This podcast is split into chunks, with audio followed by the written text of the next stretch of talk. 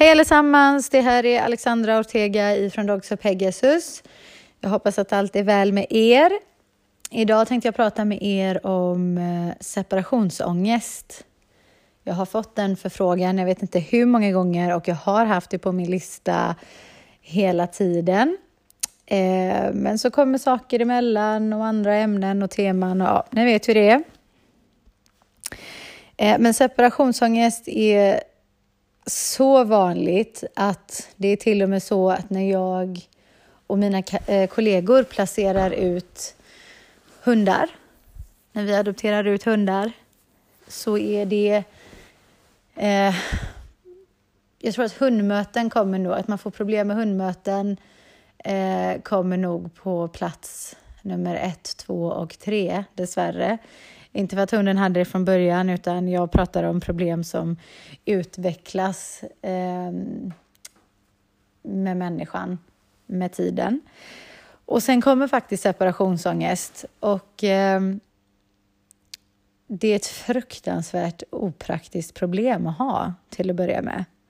Speciellt om man bor i lägenhet och man har grannar som kan eh, klaga och bli upprörda och eh, man till och med kan hotas av vräkning på riktigt. Eh, jag hade nu i helgen en kvinna som var här eh, med sin tio år gamla cocker Världens trevligaste kvinna. Eh, hon ringde mig först och bokade en tid och så berättade hon att hon nyligen hade varit hos en annan person i branschen och att hon hade fått eh, rådet om att ge hunden en massa motion och att det skulle trötta ut hunden så att den inte skulle orka vara så verbal som hon är.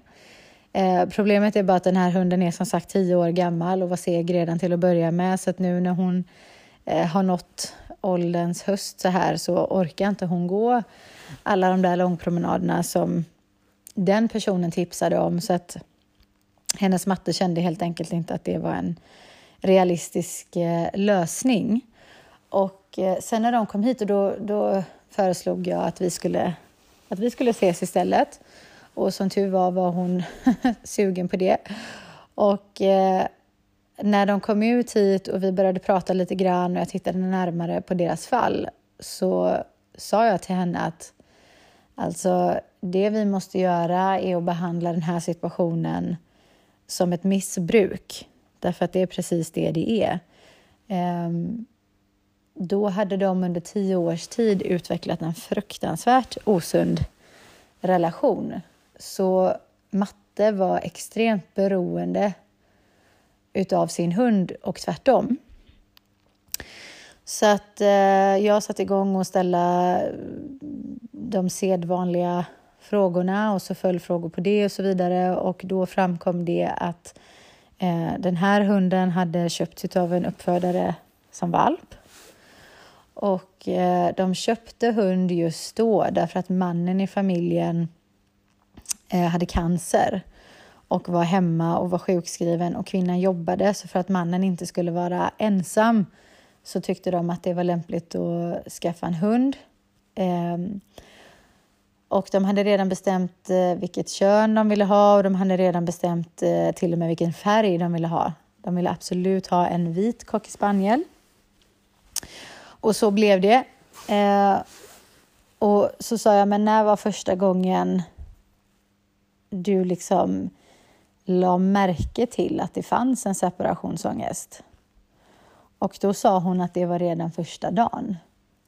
Så hon sa att eh, den här kvinnan beskrev att hon, hade, hon har lite problem med sin blåsa så hon behöver gå och kissa ofta och så på hemvägen så eh, fick hon ett sånt ryck.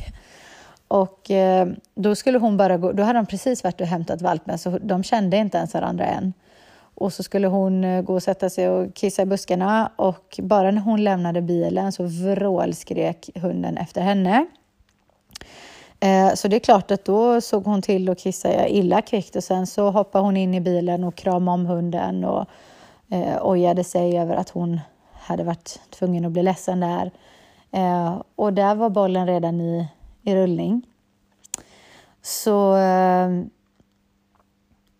det här startade verkligen allra första dagen och sen så sa hon att sen har det liksom bara eskalerat därifrån. Så att i dagsläget är det så att även om hon skulle lämna hunden tillsammans med någon, vare sig det är hemma hos någon annan eller någon hemma med hunden hemma hos dem, ehm, så funkar inte det. Hunden vrålskriker. Hunden skriker och skriker och skriker och skriker. Och eh, hon har då, eh, hennes eh, man gick tyvärr bort. Så då har hon fått tigga till sig en plats åt hunden på jobbet. Men det har inte fungerat eftersom så fort hon lämnar, hon eh, städar, så att när hon lämnar hunden någonstans för att gå och göra sitt jobb, eh, även om det är precis i närheten, även om hunden kan se henne eller höra henne, så vrålskriker hon. Ehm, och trots att det är andra personer där så fortsätter det, så att nu hade det blivit så illa att hon hade blivit förbjuden att ta med sig hunden till jobbet något mer. Och hon sa jag vet inte vad jag ska göra för att jag kan ju inte lämna henne hemma heller för att grannarna klagar. Och hon kan inte ens lämna henne när hon går och handlar eller någonting för att hon, hon skriker något så fruktansvärt så att hon får klagomål direkt. Och hon är naturligtvis rädd om sitt boende. Så hon sa att folk har rekommenderat avlivning och föreslagit det, men, men det finns liksom inte på kartan. Det här är min familj och jag måste lösa det här. Um, så hon har blivit så desperat. Alltså vi alla vet ju att man inte ska lämna sin hund utanför affären till exempel. Vi vet hur farligt det är, vi vet vilka risker det innebär, men den här kvinnan kände inte att hon hade något val Eh, med tanke på situationen. Så att hon band hunden utanför affären när hon gick in och handlade, men den skrek ju lik förbannat där också naturligtvis. Eh, det är bara det att då var det inte grannarna som klagade, utan när hon kom ut och hade handlat färdigt så stod där en arg mobb av människor varenda gång. Eh, som beklagade sig över hunden och stackars hund och vad gör du med hunden och vi ska polisanmäla dig och det blev liksom en arg mobb som förföljde henne till bilen varje gång och hon har också lämnat hunden i bilen. Och då var det samma sak där, stod en arg mobb när hon kom ut ifrån affären.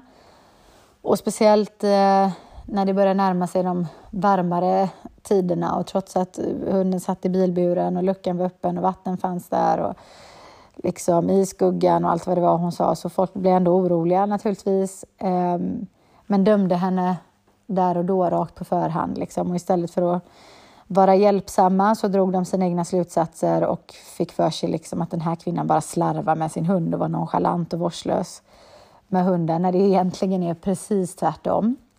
Och nu har hon fått en inneboende hemma. Och då kan man tänka sig att det är perfekt för då borde problemet vara löst, men icke i och med att hunden inte bryr sig om vem hon blir lämnad med. Så länge det inte är matte så duger det inte. Och eh, så ni förstår, det var en extrem situation hur man än vände och vred och en akut sådan dessutom.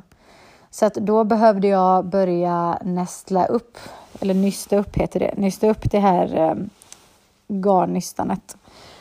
Och eh, liksom hitta änden av tråden så att vi kunde börja på rätt ställe, börja någonstans.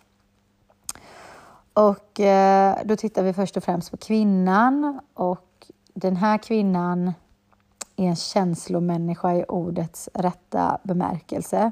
Fruktansvärt empatisk kvinna. Har jättelätt för att sätta sig eh, in i andras situationer och eh, extremt omtänksam, väldigt hjälpsam, väldigt generös. Ehm, liksom, alltså, finns där för folk, ställer upp Ehm, jag kände omedelbart, jag har aldrig träffat den här kvinnan förut, men jag kände omedelbart att hon hade en väldigt varm, genomsnäll och omtänksam energi. Man bara vill, man bara, det är en sån här människa man bara vill ge en kram. Liksom. Eh, för att man själv vill känna sig bättre. Det känns som en kram från den här kvinnan gör att man mår bättre. Liksom. Otroligt varm och välkomnande, öppen och icke-dömande energi. Liksom. Eh, men hon bär då också sina känslor precis vid ytan. Och jag vet att jag har gjort ett separat avsnitt om det här, jag tror i början av poddkarriären, ehm, om känslor som sitter vid ytan och den här kvinnan stämmer in på varenda punkt i den kategorin. Verkligen en, en känslomänniska rakt ut i fingertopparna. Så ehm, det är klart, hon har väldigt nära till sina känslor. Vilket innebär att hon också är väldigt lätt påverkad. Och hon har, hennes intuition är så stark att den till och med ibland eh, spelar spratt på henne. Så att hon känner så mycket överallt ifrån att hon, hon till och med kan börja inbilla sig saker eller överdriva saker eller liksom saker och ting blir oproportionerligt för att hennes omtanke, hennes vad ska man säga, instinktiva, hennes, hennes behov av att dela med sig och finnas där för andra gör att hon nästan söker efter lägen att göra det. Eller nästan och nästan, det är precis vad hon gör. Hon söker efter lägen att göra det. Och i, som hon sa till mig, fastän jag har haft hundar hela mitt liv, jag har haft hur mycket hundar som helst, aldrig haft det här problemet, jag förstår inte riktigt, jag menar absolut känslomässig människa. När jag sa det till henne så räckte hon upp handen och bara japp, det är jag, alltså till punkt och pricka. Jag har verkligen ingenting att, att komma med där, det är precis så det är. Men jag har ju alltid varit det. Men jag har inte haft den här problematiken med mina andra hundar. Och då sa jag, men dina andra hundar levde med dig i en annan tid. För vi glömmer ofta av det, att trots att vi befinner oss i, i en och samma kropp, som även den faktiskt utvecklas och förändras, ehm, så glömmer vi att vi gör det rent mentalt och känslomässigt och spirituellt och alltihopa också. Så att jag sa, du kan tänka dig, den här hunden kom in i ditt liv när din man var döende, det var liksom mycket för dig att dra runt, allt var tungt och mörkt och trist och jobbigt och svårt eh, jämfört med andra tider i ditt liv där saker har varit mer lättsamma. Eh, det har inte varit samma för, för jobbet har också blivit lite grann av en tillflyktsort ifrån det tunga hemma. Eh, och det har inte varit så tidigare, så det är så många saker i vardagen som har sett annorlunda ut och därför påverkat henne annorlunda och då har hon i sin tur påverkat sina dåvarande hundar på andra sätt än med den här. Så jag sa, för, tänk på i vilken tidsperiod den här hunden kom in i ditt liv och vilken effekt det uppenbarligen har haft. Och då sa hon, åh oh, gud, det är ju helt sant. Därför att när vi skaffade henne så var det som sagt för att min man inte skulle vara ensam och vi, liksom, jag var så trött och ledsen och sorgsen och hade det svårt. Och jag behövde dels någon att ta hand om, men också någon som tog hand om mig. Jag behövde någon som gav mig ovillkorlig kärlek och var liksom pigg och lättsam och glad att se mig varje gång. För jag saknade det i mitt liv. Min man var ju sjuk. Liksom. Um, så att det var svårt rakt igenom och hon gav mig precis vad jag behövde i den stunden. Eller jag såg till så att hon gav mig precis vad jag behövde i den stunden och tvärtom. Så att det blev liksom eh, ett system. De satte det här i system redan från början. För jag sa, tänk också på den här situationen ur din hunds perspektiv. Hon har precis lämnat sin mamma, sina syskon, den enda miljön hon någonsin hade känt till fram tills då och bli hämtad av en människa som hon känner direkt den här längtan efter hund i dig och hur din energi bara liksom omfamnar henne med värme och liksom moderskänslor. Och hon kastar sig från sin hundmamma rakt in i famnen på sin människomamma som åtta veckors valp och där vill hon stanna. Så det räcker att du liksom hoppar ut ur bilen, får gå och kissa i buskarna och så blir hon alldeles till sig för att hon är så vilsen utan den här moderskärleken som du lämpligt nog erbjöd henne i den stunden. För det man får komma ihåg är att en hund lever i nuet så att det är inte det att det är inte så att den reflekterar över hur nutid kan skapa problem i framtiden, hur det kan bli i förlängningen. Utan de förankrar sig i det som finns tillgängligt här och nu. Och är det ett behov som de har här och nu och de finner en lösning på det, även om den är osund i längden, längden så tar de det. De greppar efter de stråna de får tag i för att klara sig här och nu. Så att ni liksom påbörjade en slags symbios med en gång. Det är bara att, det, att ni förankrade er i varandra så djupt att sen var det ingen annan som dög.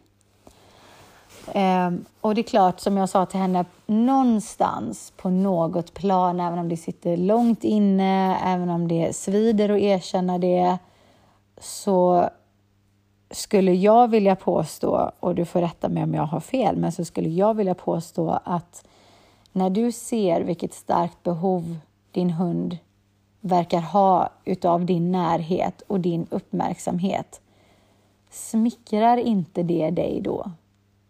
Och då, hon, hon, var så fantastisk den här kvinnan, för hon var så fruktansvärt öppen och ärlig. Liksom. Ehm, och sa bara att jo, absolut, helt klart, till hundra procent. Visst är det så. Att, att se henne möta mig vid dörren och vara hysterisk, även om det kan vara jobbigt att hon liksom är högt och lågt och upp och ner och överallt och ingenstans, så blir jag smickrad av att hon blir så glad av att se mig, speciellt när jag vet att det blir så bara med mig. Så att då uppmuntrar hon ju det. Då, då ger hon hunden uppmärksamhet när den blir så exalterad. Hon ger hunden uppmärksamhet när den är så ångestladdad och det liksom exploderar. Ehm, det är då hon får bekräftelse, det är då hon får sin människas eh, belöning i form av uppmärksamhet och tillgänglighet ehm, och positivitet i det läget. Så att hon gör sig själv tillgänglig när hunden är som mest obalanserad. Medan om man tittar på en hundflock så hade den gjort precis tvärtom. Den gör, den, alltså de andra hundarna gör sig som mest otillgängliga ju mer obalanserad en hund är.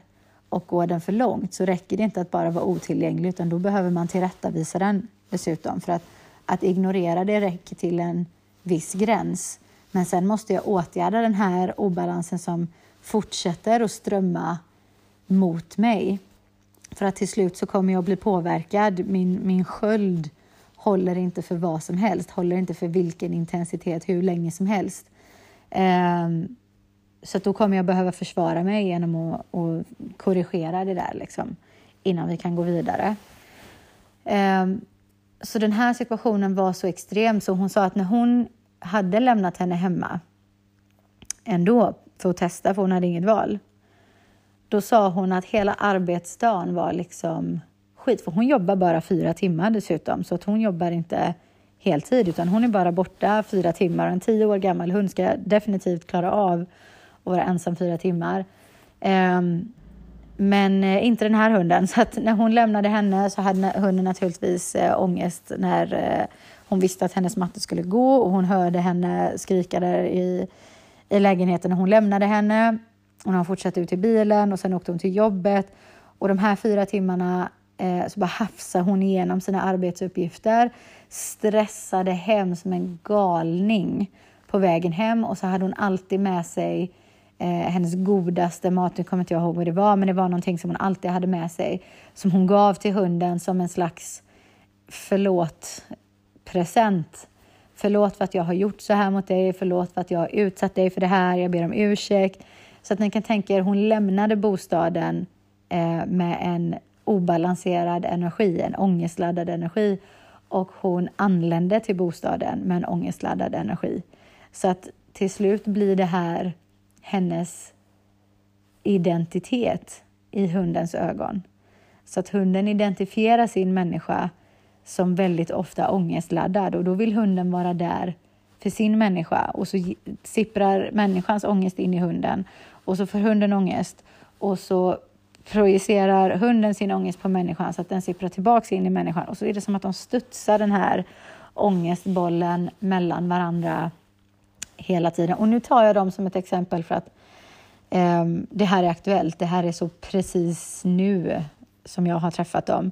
Um, men jag har fått en massa frågor i, i, när jag, varje gång jag lajvar på Instagram. Ofta så är det liksom så får jag frågan om separationsångest. Så att vi la upp en åtgärdsplan för dem som var stegvis därför att jag sa att inga verktyg, inga tekniker har någon effekt i längden om du inte gör grundarbetet. Och vi måste behandla den här situationen som ett missbruk. jag ser dig som en missbrukare, jag ser din hund som en missbrukare eh, och ni behöver all hjälp och allt stöd ni kan få. Det sista ni behöver är folk som dömer er, som rackar på er, eh, som sätter käppar i hjulen för er eh, genom att dra ner er, genom att döma er. Liksom. Eh, så då sa vi att hon skulle börja smått. Därför att som, eh, när jag sa till henne, det här var det första jag sa efter att hon hade berättat, då sa jag så här att bara så du vet, vi måste verkligen, alltså jag måste vara så tydlig mot dig som jag bara kan för att ge dig en rättvis chans att ta ställning till det här. För att hon frågar mig hela tiden, kommer det att gå? Hunden är ändå tio år gammal. Har hon en chans eller är det för sent? Och jag sa, det är absolut inte för sent. Det är absolut inte för sent. Hunden har kunnat vara 12 år gammal, 14 år gammal. Det är absolut inte för sent för hunden. Frågan är om det är för sent för dig. Därför att du måste bestämma dig för att du tänker eh, engagera dig i det här på djupet och i längden. Och det finns ingen väg utifrån det här som inte är obekväm.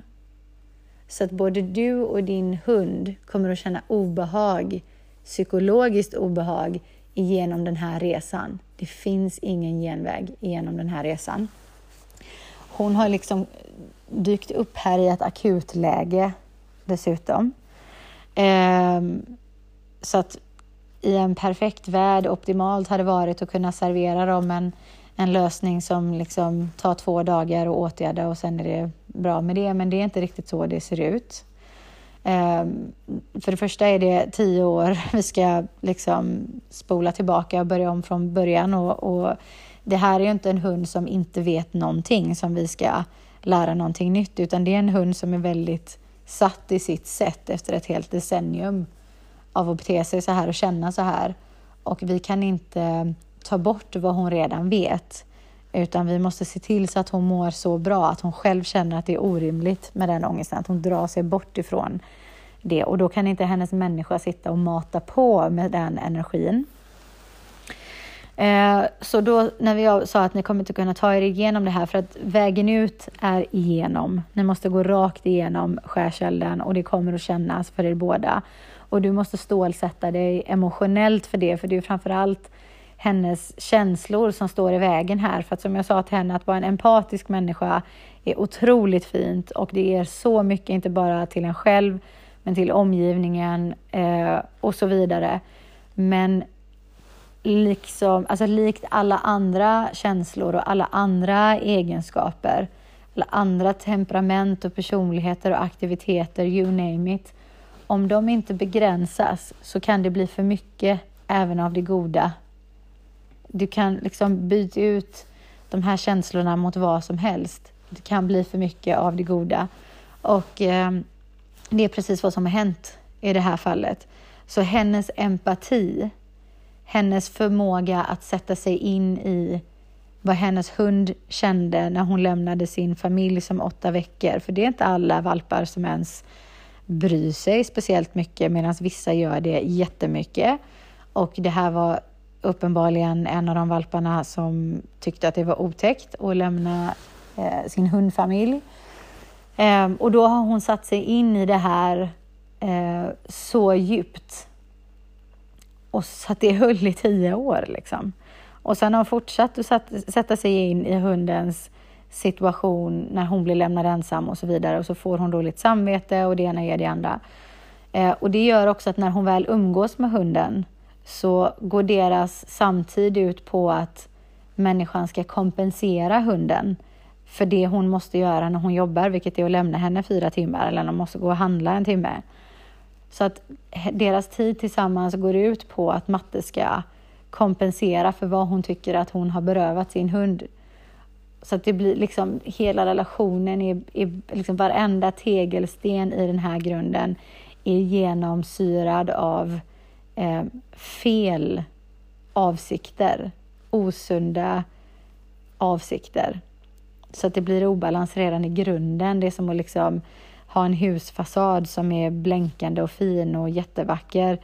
Och under fasaden så är, är liksom allt material ruttet och mögligt och fallerar när som helst. Eh, så hon behöver träna på att säga ifrån till hunden och ta avstånd till hunden både mentalt och fysiskt.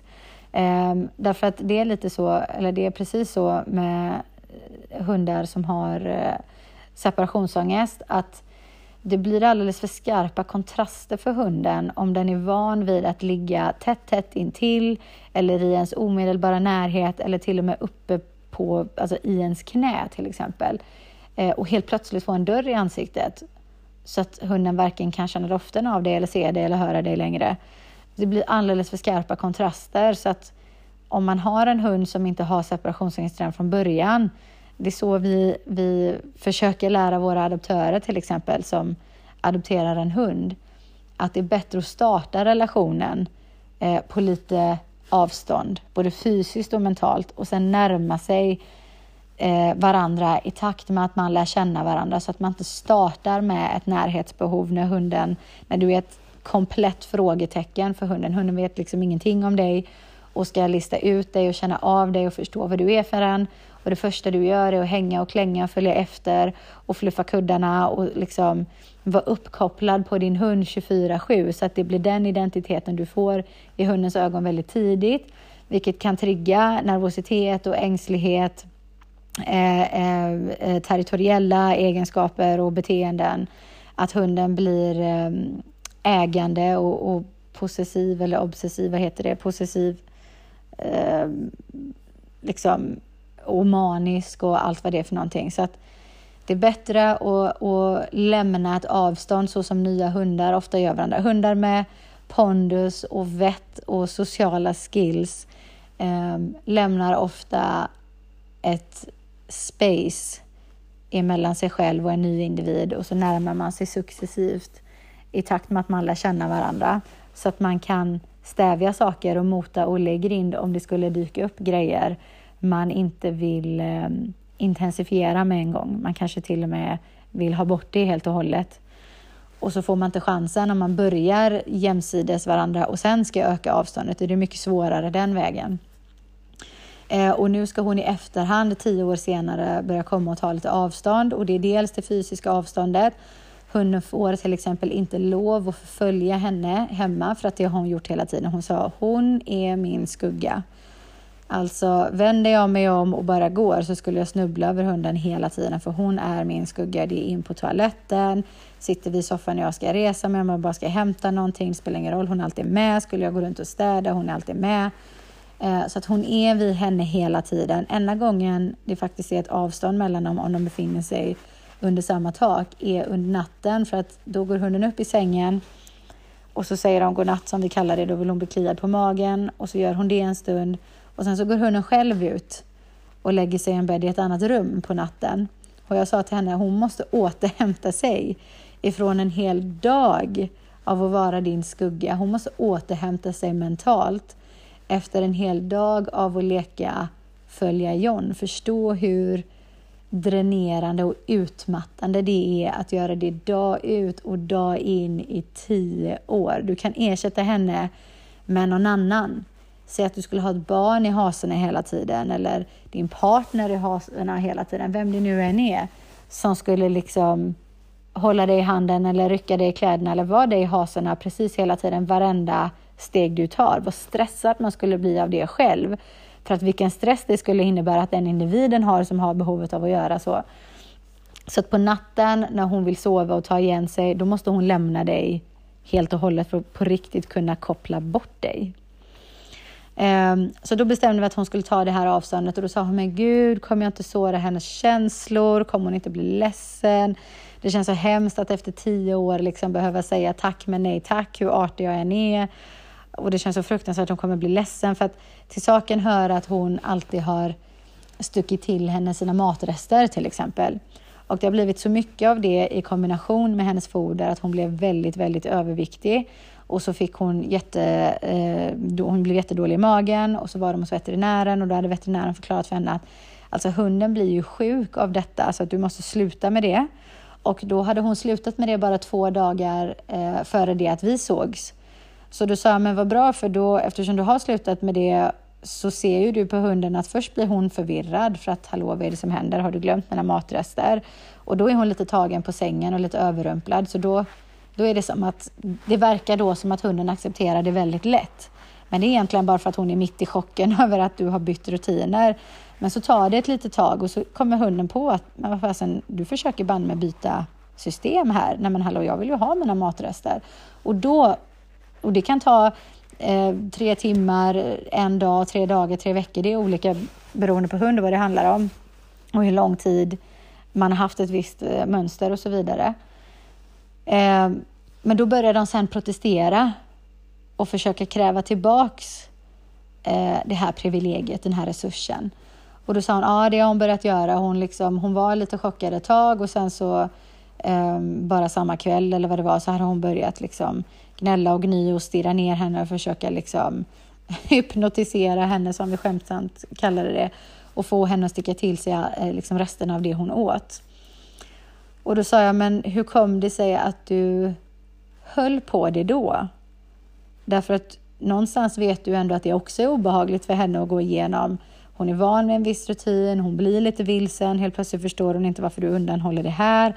Hon vill gärna ha det, stressen ökar i stunden för att hon vill ha någonting hon inte får och så vidare. Och där har du ändå stått på dig, hur kommer det sig? Och då sa hon, men det är ju för att hon blir sjuk annars. Hon har ju blivit sjuk. Och då sa jag, men grejen är att det du gör med henne rent mentalt gör henne psykiskt sjuk. Och vad ska hon med en frisk kropp till? Där, det, där som, som liksom har en sjuk hjärna. Vem mår bra i en fantastiskt eh, slimmad och stark kropp när man är deprimerad samtidigt till exempel? Det är svårt att njuta av sin kropp om man inte mår bra i skallen. Så du måste börja ta hennes psykiska hälsa på minst lika stort allvar som hennes fysiska hälsa. Så att du måste vara lika noggrann med att begränsa dig där som du gör här med, med hennes kropp och hennes mage och så. Eh, och det förstod hon och då sa jag det är bra för då har du börjat träna på att säga nej till tiggeriet. Hon sa det har tagit två dagar och nu börjar det lägga sig. Så jag tänkte fråga om det är okej, okay, om du tycker att det är okej okay att jag till exempel ger henne en god bit nu när hon har lugnat sig. Så sa jag nej, nej, nej. det är inte okej. Okay. Dels är det inte okej för liksom magen och då sa hon ja, men veterinären har ändå bara sagt att det är liksom de stora mängderna hon fick som var problemet och om hon får bara lite här och där så det är ingen big deal. Ja, fast varför återintroducera det om du märker att hon blir lugnare av att vara utan det? Hon blir friskare, hon är, hon är mer slimmad nu, hon orkar mer, hon är piggare. Varför ens återintroducera någonting som har varit en process för henne med abstinens att bli av med? Ja, det höll hon ju med om då. Och då sa jag, nu ska du tillämpa samma principer fast eh, rent mentalt. Så att till exempel eh, när hon kommer och kräver din uppmärksamhet, för den här hunden kommer fram till sin matte och så buffar hon på henne med nosen eller krafsar med tassen eller bara helt sonika trycker in huvudet under armen på henne så att hon liksom helt plötsligt omfamnar hunden. Och det här har hon alltid sett som gulligt och charmigt, vilket det absolut är i små sunda doser. Men hade jag blivit så extremt som i deras fall, vilket det blir utan begränsningar, Ehm, så är det inte gulligt längre utan det leder ju som sagt till psykisk ohälsa. Så att då måste du lära dig att avvisa henne här. Och det räcker inte att bara avvisa henne och säga nej och fortsätta titta på TVn när hunden sitter vid dina fötter och håller på att puffa på dig. Utan du måste anvisa henne till en annan plats. Så att det räcker inte att bara liksom um, schasa iväg henne med handen lite snabbt för att då kan, hon kan sitta på två meters avstånd och stirra ut dig. Den mentala kampen eh, är fortfarande igång. Så att du behöver anvisa henne till en bestämd plats, förslagsvis mitt emot dig så att du har henne i ditt naturliga synfält och har bättre koll på henne även i ögonvrån så att du slipper göra en stor grej av, av att du checkar av hennes sinnesstämning emellanåt. Um, så då behöver du backa henne tillbaka till den platsen och begära att hon sitter kvar där. Och för att det här ska vara effektivt så måste detta ingå som en rutin genom hela vardagen i olika situationer. Så att många människor gör så till exempel att eh, medan eh, hunden får sina tassar torkade så måste den ställa sig på dörrmattan och får inte gå in eller måste kanske till och med vara kvar i trappuppgången eller utanför ytterdörren och vänta där tills den får tassarna torkade. Eller så måste den vänta bakom tröskeln eller i sin bädd eller på någon speciell plats medan maten serveras eller vad det är för någonting. Alltså vi har ändå integrerat vissa sådana här gränser i vissa områden men inser inte fulla vikten av att ha det i fler. Eh, så att jag skulle vilja att hon introducerade det till exempel under vanlig dödtid. När du ska sitta och titta på TV istället för att din hund sitter och försöker hypnotisera dig ehm, och kräva uppmärksamhet och hålla sin alerthet och sin besatthet av dig vid liv. Begär att hon går och lägger sig på sin plats i sin egen möbel, i sin egen bädd mitt emot dig och sen fortsätter du att titta på TV och ägna inte en tanke åt att det går någon nöd på en hund som ligger i en jätteskön bädd i ett varmt hem i närheten av en människa som älskar henne över allt annat. Det går inte en nöd på den hunden. Så du behöver liksom inte oroa dig. Du behöver inte sitta där under filmens gång och checka av henne för att du är orolig för hur det går. Utan du kan checka av henne emellanåt för att bara konstatera vart hon befinner sig rent mentalt utan att lägga värderingar i det. Och det här kommer vara en träningsprocess, för bara när jag beskrev det här för den här kvinnan så åh, hon förvrängde ansiktet och herregud, hur ska det gå?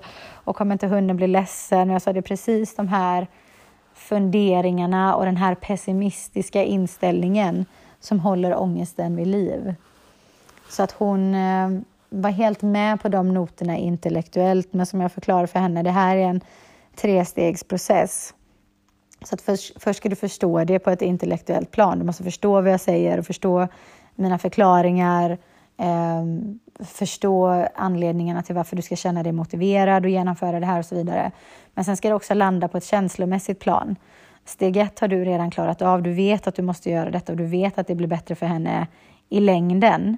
Eh, du vet att det naturligtvis är skönare för er båda om du kan lämna henne de fyra timmarna du går och jobbar gå, lämna en lugn hund och komma hem till en lugn hund och hon är mer lycklig och tillfreds än någonsin och du slipper stressa och må dåligt på jobbet och känna dåligt samvete och allt vad det är. Eh, det vet du rent intellektuellt, men känslomässigt vet du att vägen dit eh, är ganska snårig. Så att det finns liksom fallgropar som du är rädd för och det är när hon tittar på dig med sina stora vackra ögon eller när hon gnäller eller när hon ligger och gnyr eller rent av ropar och gapar och skäller efter dig, när hon förföljer dig alla gånger när du måste liksom backa tillbaka henne igen. Det finns så många tillfällen i en vardag där du skulle kunna, ännu mer som känslomässig eh, människa, eh, inbilla dig att hunden far illa.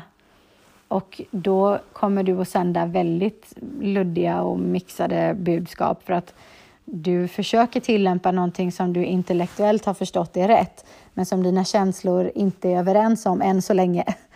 Och då känner hunden av att herregud, inte ens du är övertygad om vad det är du håller på med. Varför skulle jag bli övertygad om det här? Och så kör hunden över dig och kommer inte lyssna på de kraven du ställer. Och det här är inte specifikt för temat separationsångest, utan det här är liksom gemensamt för alla Eh, problematiska beteenden och relationer. Eh, så du får öva på detta. Så du kan öva när hunden förföljer dig inomhus. Du kan öva när hunden söker upp dig under dödtid ehm, för att kräva din uppmärksamhet. Och är man extra smart så eh, jobbar man i förebyggande syfte. Man, man tittar på det här ur en proaktiv vinkel och redan när man är på väg att sätta sig i soffan innan man har satt sig där så anvisar man hunden till sin bädd. Och när hunden har stannat där och lagt sig ner och hakar nere i, i bädden, då går man och sätter sig så att man har fullföljt vad man vill att hunden ska göra innan man påbörjar sin egen aktivitet. Och sen är det också en träningssak för henne att kunna klippa bandet till sin hund när de inte befinner sig i samma miljö ens en gång. Är du på jobbet, koncentrera dig på dina arbetsuppgifter. Är du och handla, handla, är du iväg och handlar, koncentrera dig på din uppgift att liksom hitta dina varor och checka efter på din lista och allt vad det är du håller på med fokusera på det du gör där och då och låt inte hunden ta upp allt ditt hjärnspace, för det märks på hela dig när du har en sån orimlig connection. Det blir som ett beroende helt enkelt och det missbrukas. Så att just nu har både matte och hund abstinens när de är ifrån varandra. Det är en riktig påtaglig, konkret, ordentligt kännbar abstinens. Därför att det här är som ett missbruk. Och folk har kommit olika långt i sin insikt vad det gäller deras hunds separationsångest och anledningen till det. Så att vissa människor, när de hör den här beskrivningen och till och med har en hund med separationsångest, eh, kanske själva inte alls skulle känna igen sig. Medan jag, om jag, tittar, om jag gjorde en inventering över deras situation, skulle hitta en massa likheter. Därför att man har inte vågat anamma hela sanningen än. Många gånger är det så smärtsamt att behöva medge att den ångesten jag upplever från min hund och den frustrationen jag känner när jag kommer hem till liksom brev från störningsjouren, upptuggade skor, sönderriven ytterdörr, eh, liksom sura grannar, allt vad det kan vara för någonting. Eh, att det faktiskt är jag som i allra högsta grad underhåller det här scenariot. Um, och att man faktiskt, precis som den här kvinnan var öppen nog att erkänna, känner smicker över att hunden är så besatt av en. Att det i något led ger dig någonting att um, någon ger sken av att inte kunna andas utan dig. Så att när jag har tagit över såna här hundar på bootcamp för just separationsångest, Eh, då är människan superorolig för hur det ska gå och tänker sig att liksom hunden ska lägga sig ner och dö utan dem. Och så blir det precis tvärtom, att hunden tycker det är otroligt skönt när han väl har kommit över överraskningen att befinna sig i en, all, en annan miljö och just den här miljön med allt vad det innebär. När har kommit över det, hur skönt det är att slippa vara fast i den där negativa spiralen. Och eh, medan andra hundar som är inlämnade för andra problembeteenden och så börjar man liksom luckra upp ytan lager för lager. Och så visar det sig att det ligger en ångest där under och när jag hör med människan så, ja ah, just det, jo, jo, men hon har separationsångest, men då har det inte ens nämnts därför att det var inte det som var högsta prioritet på listan över varför de lämnade in hunden. Um, så att man kan säga att alla problembeteenden kräver en viss intensitet för att överhuvudtaget existera. Och den här hunden är en lågenergisk hund. Hon liksom hankar sig fram på promenaderna. Hon är en seg dam liksom. Men all intensitet hon har, det satsar hon på eh, liksom relationen till sin människa eller beteendet hon har med henne. Så det är inte så att hon är lugn och tillfreds när hennes människa är där, för då håller hon sig alert för att liksom vara där hon är hela tiden. Och det är klart, nu är hon så van också vid att människan alltid är där hon är när, när de är tillsammans, att hon alltid blir klappad, att hon alltid får uppmärksamhet. Så hon behöver inte riktigt oroa sig för att det inte kommer att hända. Och därför är det många gånger när man börjar åtgärda ett problem som det faktiskt intensifieras lite grann från början, att det kan bli värre eh, direkt när man börjar eh, åtgärda saker och ting eller en liten bit in till exempel. Eh, därför att du ruckar på hundens rutiner och det i sig kan trigga en, en oro. Liksom. Och är det just en oro du håller på att behandla så blir det dubbelt upp där. Och då kan man börja ifrågasätta sig väldigt tidigt i processen och bara, åh herregud, har jag gjort något dumt nu? Nu har det gått för långt, nu är det för mycket. När det egentligen bara är en naturlig del av det hela. Men man kommer inte åt, jag sa till henne, du måste ta det här successivt. Så att vi börjar med att eh, förbjuda att hon förföljer. Vi börjar med att anvisa henne till en plats all dödtid. Ehm, vi börjar med, jag sa till henne att hon kan få säga godnatt till dig, men jag hade inte legat och kliat på hennes mage i 20 minuter därför att det också ingår i samma kategori av att hon kräver den uppmärksamheten för att hon har försökt att avvisa henne där och det, och det går inte som hon beskrev det. Det är klart att det går, men hon upplevde inte att det gick för att hunden protesterade och då satte inte hon emot mer än så. Liksom. Eh, så att även där ligger det en, en krävande, eh, självberättigad attityd i grunden. Och det blir osunt direkt så fort en hund känner sig självberättigad gällande tillgången till ditt personliga utrymme så finns redan där ett problem. Och med tiden så kommer det att förvärras för att det intensifieras när man inte gör någonting åt det. Så att ingen hund, alltså inte ens mina hundar som har levt med mig i tio år, vill jag ska ta för givet att de alltid har till, tillgång i mitt personliga och intima space. Den rätten att välja vill jag alltid behålla under hela vår relation så länge hunden lever. Ehm, och det är vetskapen att jag vill ha det så som gör att hunden känner sig trygg med mig, som gör att hunden känner shit, den här människan har liksom integritet och kan stå upp för sig själv och kan sätta gränser för mig, så rimligtvis borde hon kunna sätta gränser för andra och det gör att jag känner mig trygg. Det är klart att hunden inte har ett långt intellektuellt resonemang som det jag beskriver nu, men rent instinktivt så är det den känslan man får. Um, och man känner sig omhändertagen av någon som kan sätta gränser. Man, man behöver aldrig fundera över att saker och ting kan bli luddiga och att man kan missförstå varandra, utan hon vet vad hon vill, hon förmedlar det tydligt. Och det handlar inte om, så som jag beskrev för den här kvinnan, att man eh, eliminerar fysisk kontakt eller omtanke och sådana grejer. Absolut inte. Men man bara portionerar ut det vid tillfällen som det passar sig och tillämpar eh, återhållsamhet och självdisciplin när det inte lämpar sig.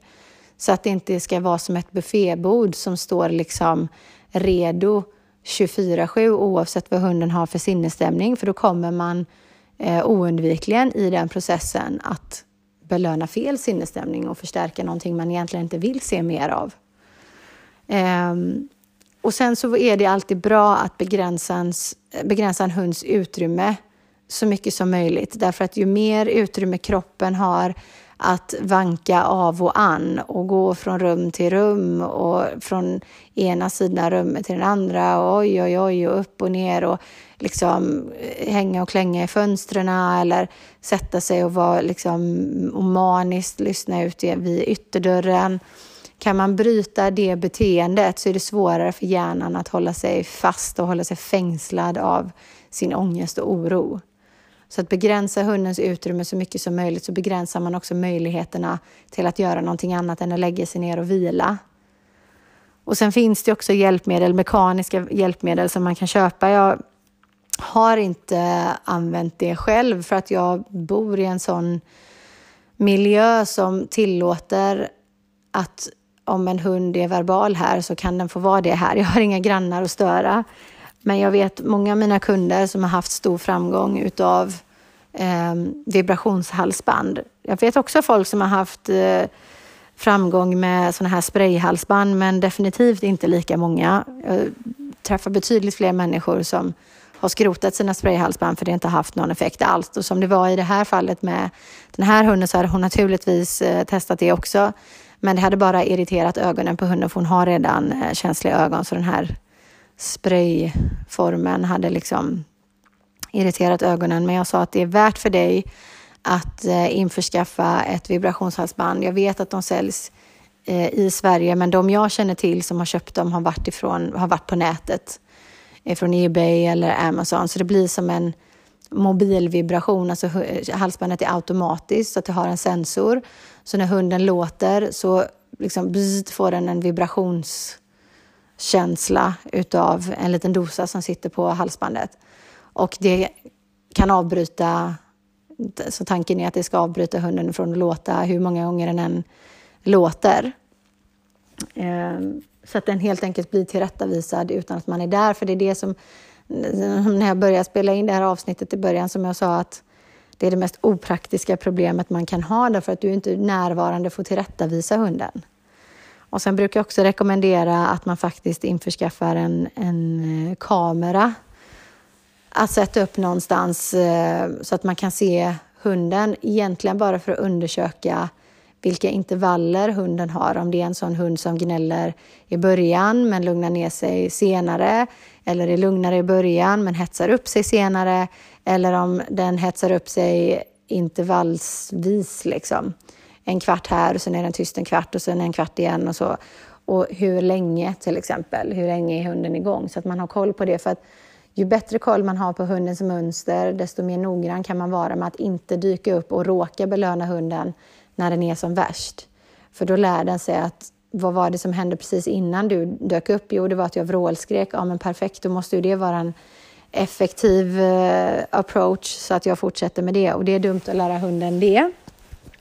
Så därför kan en kamera vara en bra grej. Man kan också, liksom om man nu inte har en kamera eller vill skaffa en kamera, kanske lämna en mobil som spelar in eller sätta den på flight mode, vad vet jag. Men det är ändå bra att kunna se hunden också, för då ser man ju dessutom vad den gör och inte bara hör den. Um, så att eh, begränsa hundens utrymme, inte låta den följa efter dig när du är där. Ta gärna hjälp av ett mekaniskt verktyg. Det är värt att testa. De finns i alla prisklasser från några hundra till några tusen till och med. Och det är inte alltid. Jag vet folk som har köpt eh, billiga varianter som har varit jätteeffektiva för dem och de har även använt dem i bilen till exempel när man kör och så börjar hunden skälla som en galning på saker och så använder de den även då med framgång. Så det är bra för att ju längre hunden kan vara intensiv, det är som att hundens motor blir varm, desto längre tid kommer det att få den, ta för att få den att kallna. Onödig process liksom. Eh, men sen måste man också vara ärlig mot sig själv och inventera sina känslor. Eh, och ibland kan det vara ganska brutalt att göra det. Men jag tänker så här, en människa som inte knyter sitt värde som person i sådana här saker har liksom ingenting att oroa sig för. Därför att om, om jag anammar den tanken att jag inte är mindre värd eller en sämre människa eller mindre värdig människa för att jag har känt mig smickrad av min hunds eh, besatthet eller att jag har använt min hund som eh, min eh, lilla snuttefilt när jag har varit ledsen eller haft jobbigt eller varit stressad. Att det har tillfredsställt mig på olika plan när jag har kunnat ömka hunden eller dalta med hunden för att jag har fått känna mig som en räddad ängel eller en hjälte som sveper in där och kom här gumman och oj oj oj nu är du hos mamma. Att det tillfredsställer mig. Om jag kan vara så brutalt ärlig med mig själv utan att fästa mitt värde i konstateranden som dessa så är processen mycket lättare. Och det, finns, det är ingen idé att fästa sitt värde i sånt. Vi, vi har alla våra brister och det man gör, alltså de, de handlingarna som jag begår idag är helt baserat på den medvetenheten jag råkar ha för tillfället. Så att ju mer jag utvecklas och ju mer jag lär mig och ju mer öppen jag håller mig, desto lättare för mig är det att utvecklas i rätt riktning och göra färre och färre misstag och fler och fler rätt. Så att man tjänar ingenting på att liksom hålla sig i förnekelse och tro att det, att det gör dig till en bättre människa. Eh, och det är definitivt inte fördelaktigt för din hund. Eh, så att vi sa att hon skulle starta med eh, sådana små grejer. Och i och med att hon, hon skulle vara hemma från jobbet jag har inte hört hur det har gått henne, men hon skulle vara hemma från jobbet igår måndag. Eh, men sen kunde hon inte vara hemma från jobbet, men jag sa det blir jättesvårt för dig att leva om du bara ska sluta jobba för att du ska vara hemma med hunden. Det går ju inte liksom. Man får behålla sin eh, humor i sådana här svåra situationer, för det är typ allt man har i det läget. Och eh, hon skulle behöva gå tillbaka till jobbet igen och så har hon ju den här tjejen som är inneboende just nu, så att jag sa att hon får väl ta en, en, en liten runda. Det kan vara en, en jättekort runda, men de går väldigt långsamt. Eller liksom, hon får sysselsätta henne på något sätt, borsta henne eller vad som helst. Liksom, umgås med hunden för att avleda hunden ifrån och eh, fixera vid att du har gått. Eh, hon kan ta en biltur med hunden eller vad som helst.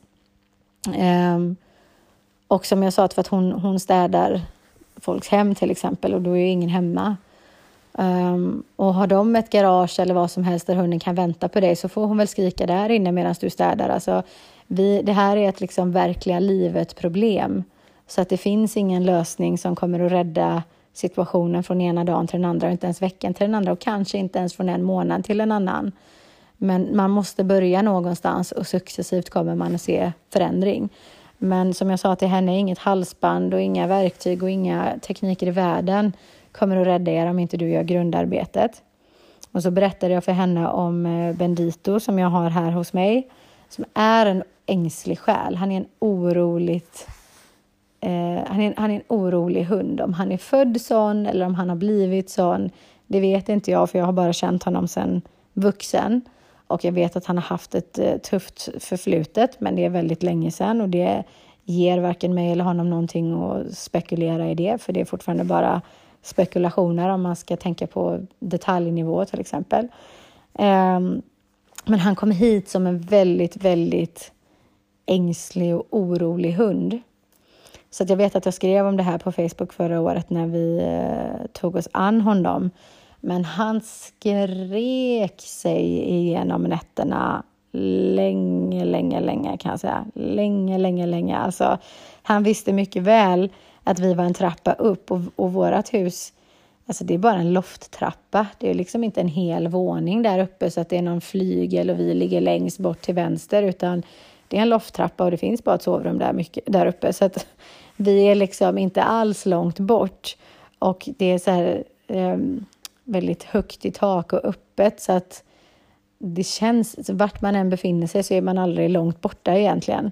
Och eh, han visste mycket väl att vi var där och såg oss gå upp och liksom kunde höra oss eller vad som helst, men han vrålskrek så länge han inte var i våran exakta, liksom omedelbara närhet. Eh, och när han var det, herre jäkla vad han klängde. Här snackar vi inte en hund som var oss i hasorna, utan han klamrade sig fast med båda frambenen som två starka armar. Liksom. Klamrade han sig fast i, i våra kroppar, i midjan och benen och, och, och, bara släpade med sig själv när vi gick från ena änden rummet till det andra. Ehm, fruktansvärt klängig, så att han var så uppspelt. Ehm, alltså han, han hade varit det även på sheltret jag lärde känna honom. Eh, men definitivt inte på den nivån. Sen mådde inte han så bra, heller, bra då heller av andra anledningar. Men eh, tendenserna fanns definitivt där. Men det var som att när han flyttade så blossade det upp alltså på en nivå jag knappt kan beskriva. Något av det värsta ever. Men det blev bra. Det tog fyra månader och sen blev det väldigt bra. Så att han är en hund, i och med att han är en orolig själ så kommer man alltid att behöva hålla koll på honom och stävja det eh, och se till att inte trigga det på något sätt. Men eh, det gick vägen. Fyra månaders... Eh, alltså jag och med grät oss till sömns, men det gick vägen.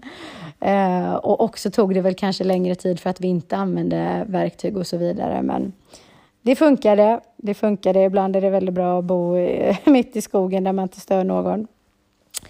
Men i alla fall, nu måste jag avsluta för klockan tickar på här och jag vill inte att det ska bli ett abrupt och tråkigt slut. Men jag hoppas att det här har gett er någonting och har ni följdfrågor så ställ dem till mig. Um, ja, jag önskar er en trevlig morgon, middag, kväll, natt när ni nu än lyssnar på det här. Um, och så hoppas jag att ni får ordning, med, eh, ordning på eh, eventuell separationsångest. Tack för att ni lyssnar folket. Vi hörs och ses. Toodiloo och mot balans. Hej allihopa, det här är Alexandra Ortega från Dogs of Pegasus och idag har jag ett eh, stort ämne, ett enormt ämne känns det som, som jag ska försöka tackla här Eh, på under en timme.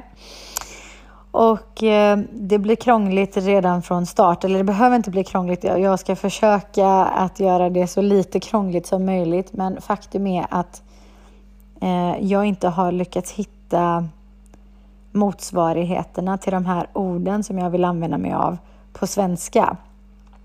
Så jag har dem på engelska och jag har försökt leta efter dem på svenska och hittade inte det alls. Och sen var det en snäll människa som eh, gav mig de svenska motsvarigheterna och det gick två svenska ord på ett engelskt ord och det var tydligen för krångligt för mig att komma ihåg. Så nu sitter jag här och har inget minne av hur hon förklarade eller när hon gav mig de svenska orden så att vi får köra med de engelska ändå. Det var lite så här eh, slumpartat att jag fick den svenska, eh, den svenska översättningen. Därför att den här människan var liksom insatt i psykologi och var tvungen att liksom leta igenom sina psykologianteckningar och så vidare. Så att det är ingenting som det var inga begrepp som man slänger runt med i första taget precis, så att det känns ändå enklare med engelska på ett sätt, men jag får lite gå igenom definitionerna, det har jag nog fått göra ändå i och för sig, um, för att man ska förstå skillnaden, för det här handlar om skillnaden mellan en connection kontra attachment, som man då säger på engelska. Och eh, connection handlar om att vara eh, centrerad, alltså en connection kommer ifrån att man är centrerad i sitt hjärta. Det är från mitt hjärta till ditt hjärta som det finns ett samband som är helt löst. Vi har ett, ett band du och jag, från hjärta till hjärta, från själ till själ, som är helt egolöst. Eh, där det är du och jag i den här stunden, man är helt närvarande. Det är 100% instinktivt. Man är 100% accepterande av den andras inre väsen. Så att ditt inre väsen är 100% accepterande av mitt inre väsen. Um, och eh, det blir så, på det sättet blir det så intimt. Alltså när man är så synkade med varandra så blir det så intimt och sårbart samtidigt. Därför att mitt hjärta är helt öppet för ditt hjärta och tvärtom. Um, och i och med att vi i och med att vi, um, hur ska jag beskriva, liksom är så knutna till varandra på en så djup nivå så lämnar man samtidigt liksom utrymme för det oväntade. Ingenting är skrivet i sten Vi accepterar varandra till 100 procent och vi lämnar utrymme för det flexibla eh, liksom i, i vår relation till varandra. Det är det som det blir utrymme för att det finns liksom inga förväntningar på den andra i och med att man är helt accepterande av den andras väsen. Alltså inga förväntningar på vem du måste vara för mig. Och så jämför man det med attachment som är baserat, som har sin bas i sinnet, i hjärnan, i det intellektuella. Och därför har man då ehm, eh, eh, man är fäst vid resultaten, man är fäst vid eh, förväntningarna som man har och man eh, fyller luckor eller tomrum i sig själv eh, genom de här förväntningarna. Så att min lycka eh, och mitt humör, mitt mående för stunden, där jag befinner mig är helt baserat på vad du lyckas fylla för tomrum i mig. Så att det är definitivt motsatsen till att det inte finns några förväntningar. Och det håller mig från att vara här och nu därför att jag ältar antingen det som redan har varit och är frustrerad eller besviken eller missnöjd med det. Eller så eh, lever jag på mina förväntningar inför framtiden. Så det är två helt olika saker. Connection är någonting djupt och instinktivt, väldigt intimt, sårbart på grund av att man accepterar varandra till 100 procent. Eh, kontra attachment som är baserat i sinnet, i det intellektuella och bygger på att man har förväntningar på den andra och Eh, jag är, är villig att ge dig kärlek eh, enbart om du tillgodoser det ena och det andra i mig som jag förväntar mig. Liksom. Och det här, alltså, det låter fint med ovillkorlig kärlek, men det är ofta inte så det fungerar i praktiken, utan vi har en rad eh, förväntningar för att vara villiga att vara tillgivna mot den andra personen. Jag vill att du ska vara det här och det här och det här och det här för mig och ställa upp på det här och det här och det här och det här för mig för att jag ska vara villig att vara tillgiven mot dig eller ge dig av mig till exempel. Så att man är inte 100% accepterande av, av det den andra är, utan du måste anpassa dig till ett visst mönster för att jag ska ge dig av mig. Och vi gör så här även i våra hundrelationer. Vi skaffar hund för att vi vill fylla ett visst tomrum så att vi från dag ett har en massa förväntningar på den här individen och på den här relationen. Och hunden är, det är liksom underförstått att hunden måste växa upp eller bli på ett visst sätt, vara på ett visst sätt för att jag ska vara nöjd, för att jag ska vara villig att hålla mig lojal och älska hunden till exempel. Så att det låter fint att säga jag älskar min hund villkorslöst eller jag älskar min man villkorslöst eller mina barn villkorslöst, mina föräldrar villkorslöst. Men när man rotar runt lite grann i olika relationer så ser man att de flesta, de allra, allra flesta är mer attachment baserade än connection baserade. Så ett sådant konkret exempel, jag läste en fin liknelse, var liksom en, en eh, till exempel om man, om man säger så här, du sitter i skogen, eh, tar det lugnt och så kommer det en liten fjäril och sätter sig på ditt finger.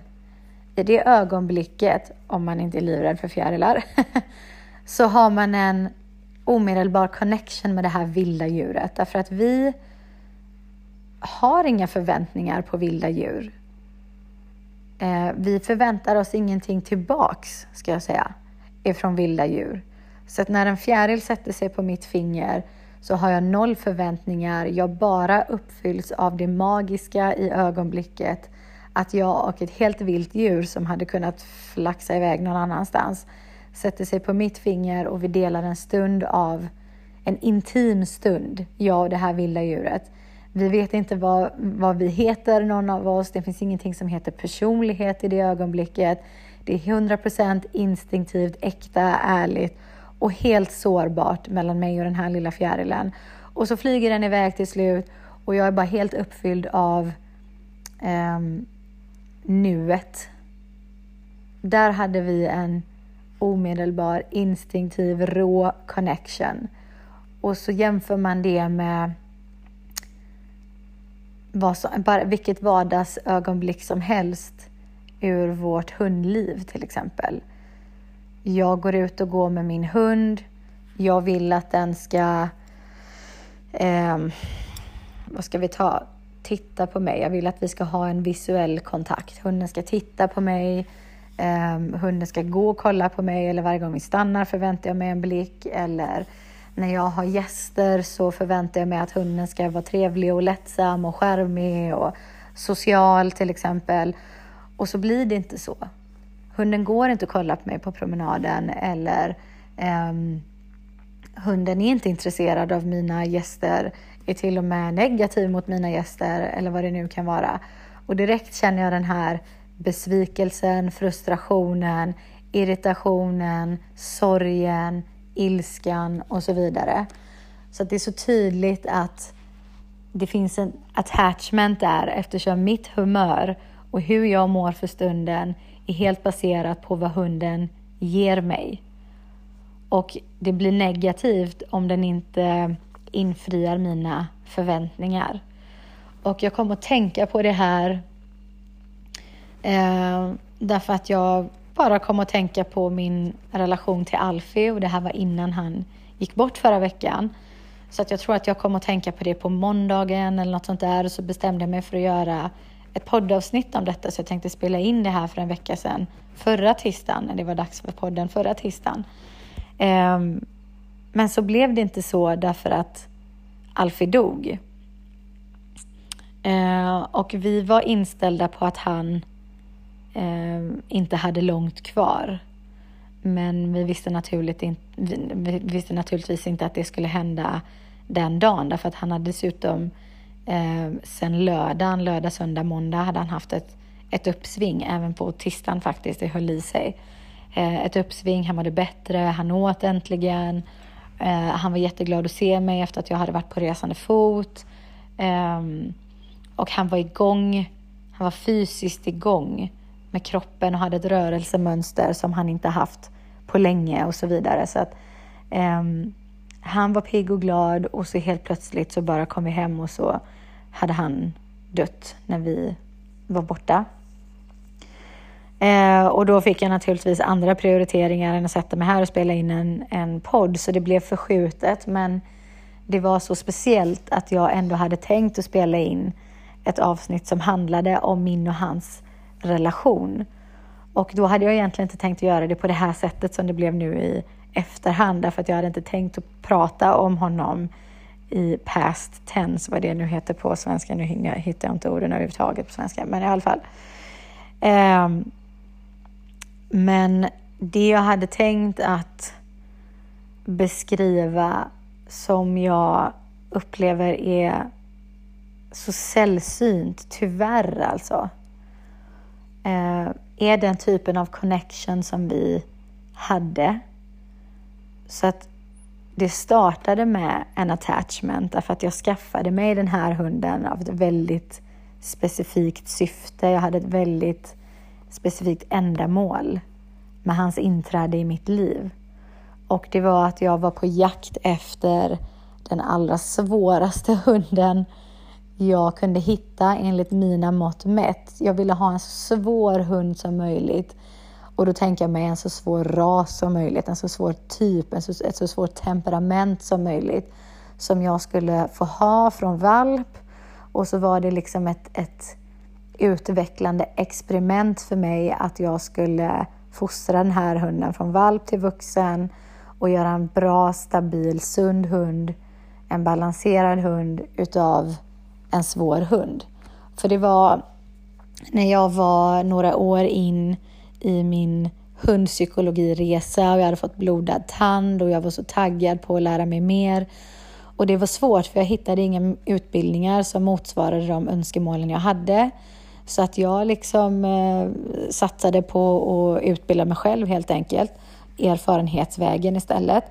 Um, och då hade jag läst i en bok som jag fortfarande har kvar som jag hade köpt eh, i USA och eh, då handlade den boken om eh, eh, det var så här Dog Heroes liksom. Det var så här hjältehistorier där så olika situationer, varje kapitel var liksom en situation som hade uppstått och så var hunden hjälten i sammanhanget.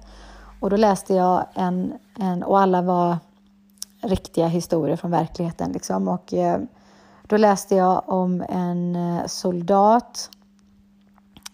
Det var krig och det var en soldat som hade kommit bort ifrån sin grupp när de gick omkring i skogen i Serbien och, eh, eller Jugoslavien som det var då och eh, hade kommit vilse och, och liksom var, var helt ensam. Och det var en så här riktigt eh, vidrig vinter, liksom många, många, många minusgrader, massa, massa, massa snö. Och den här soldaten hade irrat omkring och gått vilse och var törstig, var hungrig och framförallt väldigt, väldigt kall och höll på att tyna bort och kände att jag håller på att dö. Liksom. Det här kommer inte gå bra, jag håller på att dö.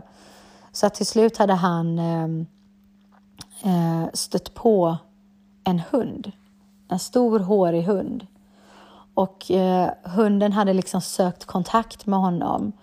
Och i och med att den var så hårig så såg han sin chans att värma sig med den här hunden. Så att han hade liksom burrat in sig med den här hunden och liksom klamrat sig fast i pälsen. Och jag kommer inte ihåg om det stod att, att de hade hittat till något skjul. Jag vill minnas att det stod att de, de hade hamnat i någon slags vindskydd eller tagit skydd någonstans i skogen. Och då hade han lagt sig bredvid den här hunden och bara klamrat sig fast och hunden, som var en helt vildfrämmande hund, hade låtit sig Eh, liksom hanteras på det här sättet. Det var snarare så att soldaten upplevde att det var hunden som sökte sig till soldaten för att hjälpa till. Så att den bara låg där medan han värmde sig och bara låg där länge, länge, länge tills han blev upphittad igen av sina kamrater. Och det slutade sorgligt för hunden för att de beskrev, eller han beskrev den här soldaten att hunden såg så stor ut och så enorm ut eh, och så hade han klamrat sig fast vid hunden och känt alla revben, hela ryggraden, höftbenen och bara gud den här hunden är också döende, den är lika utmärglad som jag och ändå ställer den upp för mig i den här kritiska tiden för den själv. Eh, så att han hade bara haft en omedelbar connection faktiskt med den här hunden. Och så har de legat där tills han blev upphittad och sen slutade med att de sköt hunden. Um, därför att de ville inte ha den med sig efter sig och det var hans kamrater som sköt hunden så att han var inte själv överens med det beslutet så att det slutade så tragiskt. Och jag fastnade vid att jag fastnade vid rasnamnet. Det är ett krångligt namn som man knappt kan uttala. Jag måste googla jag måste kolla upp vad det är för något. Och det här var i samma veva som jag letade efter en svår hund. Och så slog jag upp Kärplaninats som stavas annorlunda än eh, hur det låter. Och så började jag läsa om den här rasen och eh, förstod att de var reserverade, självständiga, dominanta och väldigt skarpa. Eh, misstänksamma då mot främlingar men väldigt lojala mot familjen. Och jag bara, men det här kan bli intressant. Och så kollade jag vidare på Youtube och hittade liksom inte så trevliga klipp när de här hundarna dräper vargar och så vidare. Jag tänkte, gud men det här kan ju, det här kan ju bli svårt, tänkte jag. Eh, naiv som man var och eh, hittade mig en uppfödare i Belgien, för han fanns inte då i Sverige. Jag letade i Sverige och hittade ingen i Sverige. Däremot hittade jag ett par som hade och hade haft en sån hund. Så att jag besökte dem och vi pratade om det. Jag ville liksom få en så tydlig bild som möjligt av vad det var jag skulle ge mig in på innan jag gav mig in på det för att liksom förbereda mig mentalt och så vidare. Så att jag gjorde research och verkligen tog mig ut och, och intervjuade de här människorna, besökte dem i sitt hem och eh, den ena hade en sån hund som faktiskt kom ifrån Serbien som han hade tagit med sig till Sverige och eh, ja, vi tog en promenad och pratade och, och, den här mannen tyckte jag var helt galen som skulle skaffa en hane för han hade en tik och han sa det är mycket jobb som det är med tik. Det är svårt redan som det är med en tik men en hane kan du glömma, herregud du är inte klok liksom. Men jag var så inställd på att det ska vara så svårt som möjligt och jag hade redan på förhand bestämt mig för att hålla den här hunden okastrerad till tre års ålder för att liksom verkligen löpa linan ut nästan de jobbigaste, mest utvecklande åren. Så att det var som ett experiment för mig men naturligtvis samtidigt att jag ska, det här är min familjemedlem och jag ska göra en, en, en, en balanserad hund av den här valpen och eh, hittade den här uppfödaren i Belgien, en serbisk kvinna som eh, ja, bodde i Belgien sedan många år. Och hon hade aldrig haft, hon var kanske 75 år eller något sånt där. Eh, då på den tiden, det här är liksom tio år sedan, nio år sedan. Hon hade aldrig haft någon annan typ av hund i hela sitt liv. Hon hade haft dem sedan barnsben och sen börjat föda upp dem tillsammans med sin man som hade gått bort nu och bara haft dem genom hela livet. Eh, och så skulle hon ha sin allra sista kull. Eh, och jag tog kontakt med henne och först ville hon inte alls sälja någon valp till mig. Därför att jag bodde, jag har säkert berättat det här förut, känner igen det lite grann eller så ja, är det från något annat. Men ehm, eh, jag bodde mitt i stan, uppe på elfte våningen. Eh, och eh, ja, men liksom i en lägenhet och hade redan en massa hundar, bland annat då en Staffordshire Bullterrier. Och när jag berättade det här för henne, jag hade dessutom då en frisörsalong i, i min lägenhet och när jag berättade det här för uppfödaren så hon bara, nej alltså det här låter ju inte alls bra. Alltså för det första är de här hundarna eh, skapta för att ha så mycket utomhusvistelse som det bara går. Helst ska de liksom bo utomhus och du sitter i någon jäkla lägenhet liksom. Eh, och sen är de reserverade mot främlingar och så kommer det och, och går folk hos dig hela tiden i med den här salongen. Och sen så har du någon pitbull hemma och de är liksom inte bra med andra hundar oftast. Och eh, jag fick eh, sätta igång projekt övertyga uppfödaren. Och det lyckades jag med till slut. Och så blev det bara tre valpar. Och den ena var redan eh, bortlovad och så fanns det två kvar. Och eh, då fick jag bestämma mig redan bara baserat på ett foto. Och den ena var väldigt ljus för att Alfis pappa var vit. Eh, och mamman hade samma färg som han, för er som har sett honom. Eh, lite så här eh, beige, svart, grå, lite så här, ja, spräcklig eller vad man kallar det. Och eh, den ena var väldigt ljus och, den, och, och såg liksom korthårig ut. Och den andra gråspräcklig och långhårig. Eh, och jag kände liksom en connection redan via fotot. Jag kan inte beskriva det på något annat sätt, så att jag valde honom baserat på det. Och sen skulle jag åka och hämta honom.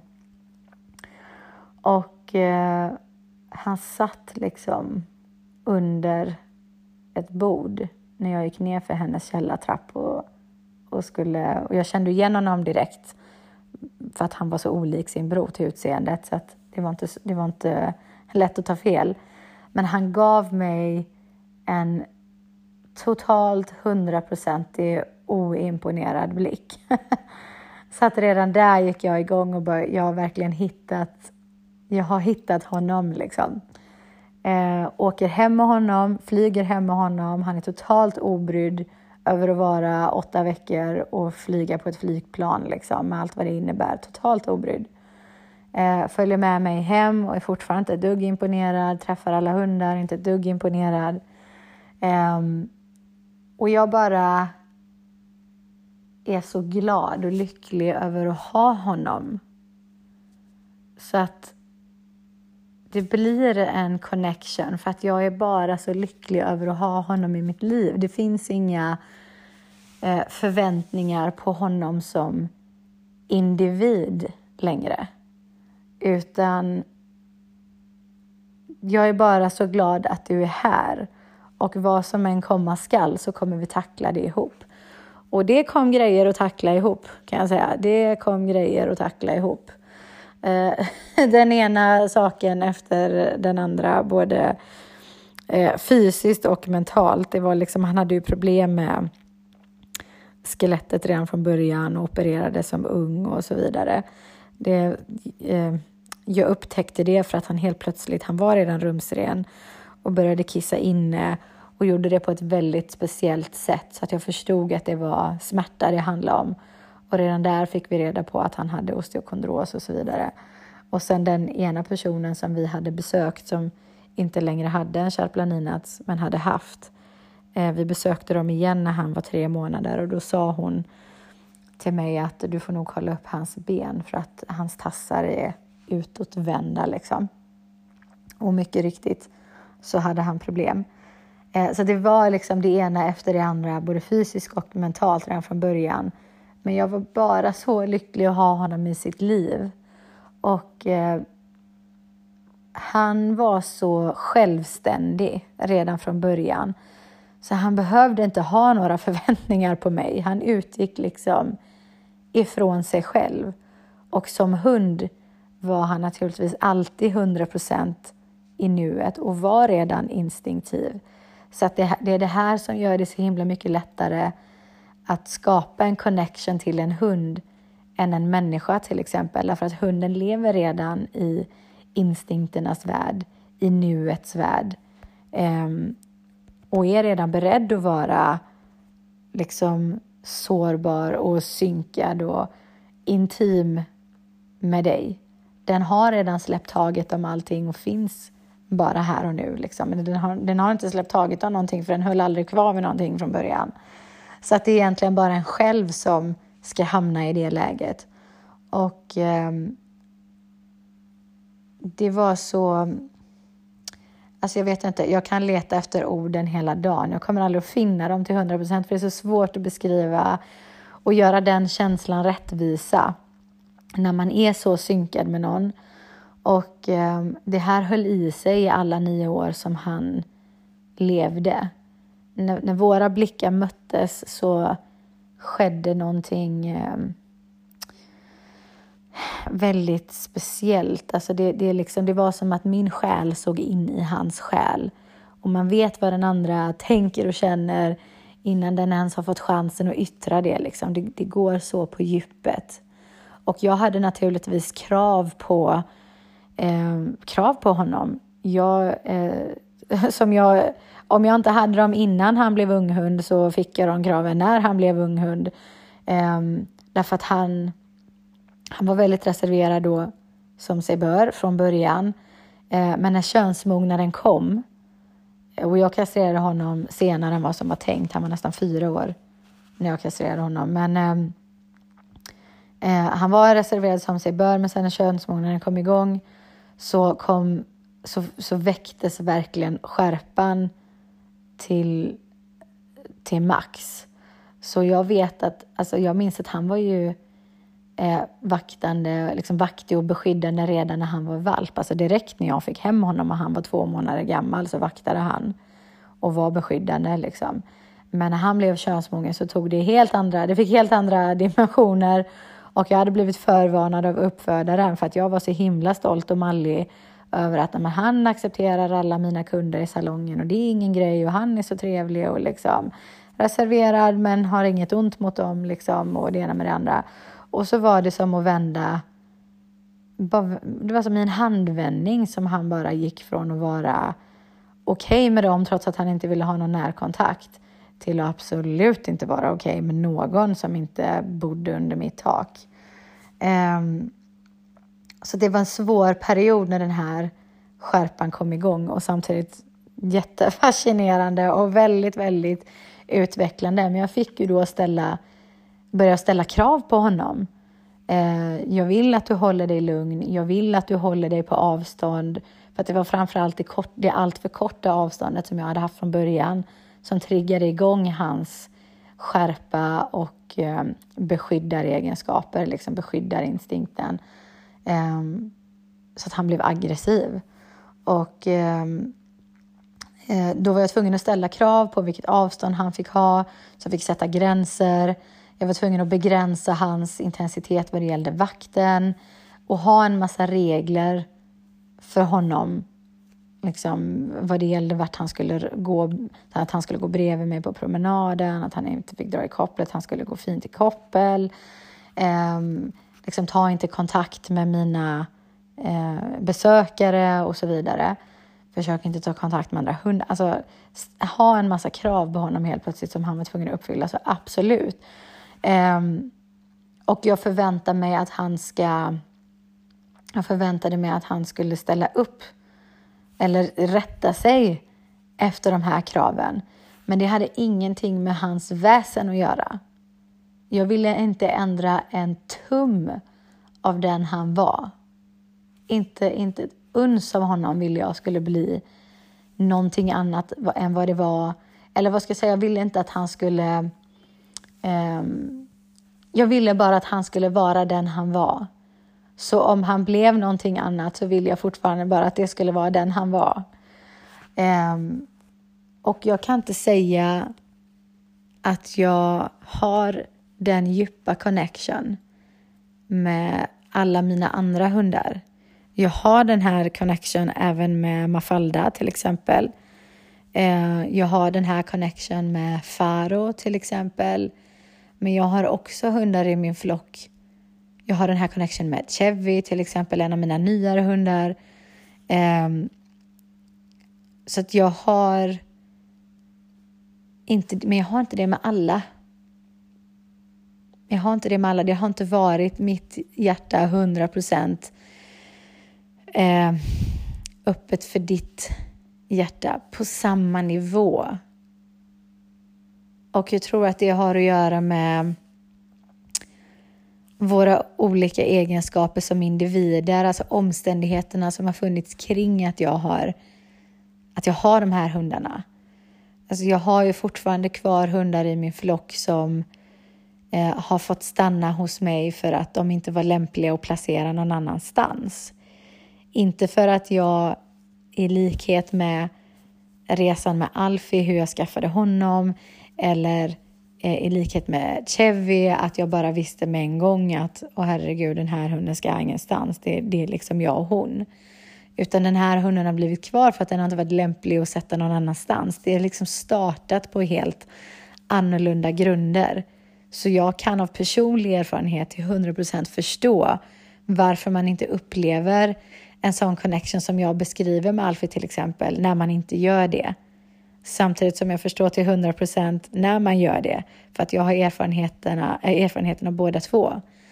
Um, men man vill röra sig bort ifrån attachment så mycket som möjligt, därför man vill inte att ens egen lycka, vare sig det gäller en hund eller en annan människa, är beroende av vad man får för respons utav dem. Utan det är ditt jobb att göra dig själv lycklig med allt vad det innebär. Ta reda på vad som gör dig lycklig och ägna dig åt det i största möjliga mån för att vara lycklig. Så att du dessutom kan vara den bästa versionen av dig själv för den andra och vara 100% mottaglig för den andra. Så att man vill röra sig ifrån det. Och jag märker det till exempel med en av mina hundar som heter Yeti eh, som jag har haft jättesvårt att skapa en connection till. För att jag har haft så fruktansvärt mycket förväntningar på honom. Så himla många förväntningar på honom. Det startade redan när jag såg honom på sheltret och gjorde en bedömning av honom. Eh, och liksom tog hem honom och hade ett väldigt, han skulle bara vara här i, i jour. Och jag kände egentligen med en gång, jag, jag beundrar dig fantastiskt mycket. Eh, du är en så fantastisk hund, en helt underbar hund.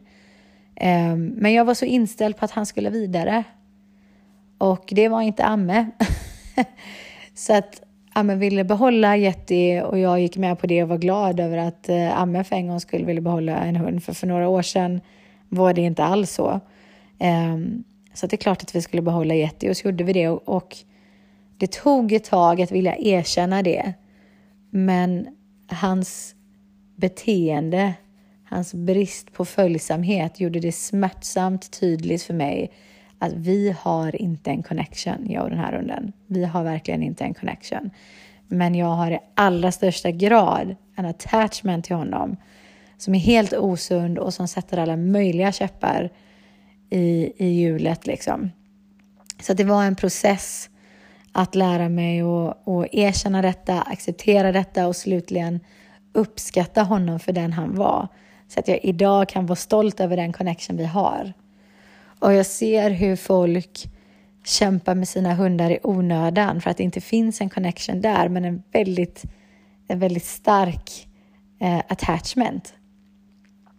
Så jag tänker att det man kan ställa sig frågan är vad har jag för förväntningar på min hund som individ? Inte vad är det, för ställ, vad är det jag ställer för krav på hunden för att den ska liksom, eh, fungera i mitt hem, utan vad är det, varför har jag skaffat mig hunden? Det är en sån intressant fråga som jag brukar ställa när jag har en konsultation. Hur kommer det sig att, att du valde den här rasen? Hur kommer det sig att det blev den här individen? Och folk har så intressanta berättelser. Jag älskar när folk berättar för mig om hur det blev just den hunden. För det säger så mycket om psykologin bakom som låg till grund för hela relationen därefter. Det är så intressant. Och många fäster inte vikt vid det här. Man tänker inte att det spelar roll. Och, och många har liknande historier. Så att man känner igen sig i så många andra. Så att liksom, vad spelar det för roll? Det är väl så det ser ut när man skaffar hund ungefär. Um, så det är så himla intressant. Jag älskar att höra om det här. Och um, Därför bör man liksom bena ut den historien för sig själv. Varför blev den här hunden? Varför blev den här rasen? Varför blev den här individen? Eh, och vad hade jag för förväntningar på den här hunden, på den här personligheten? Vad hade jag för förväntningar på framtiden med den här hunden?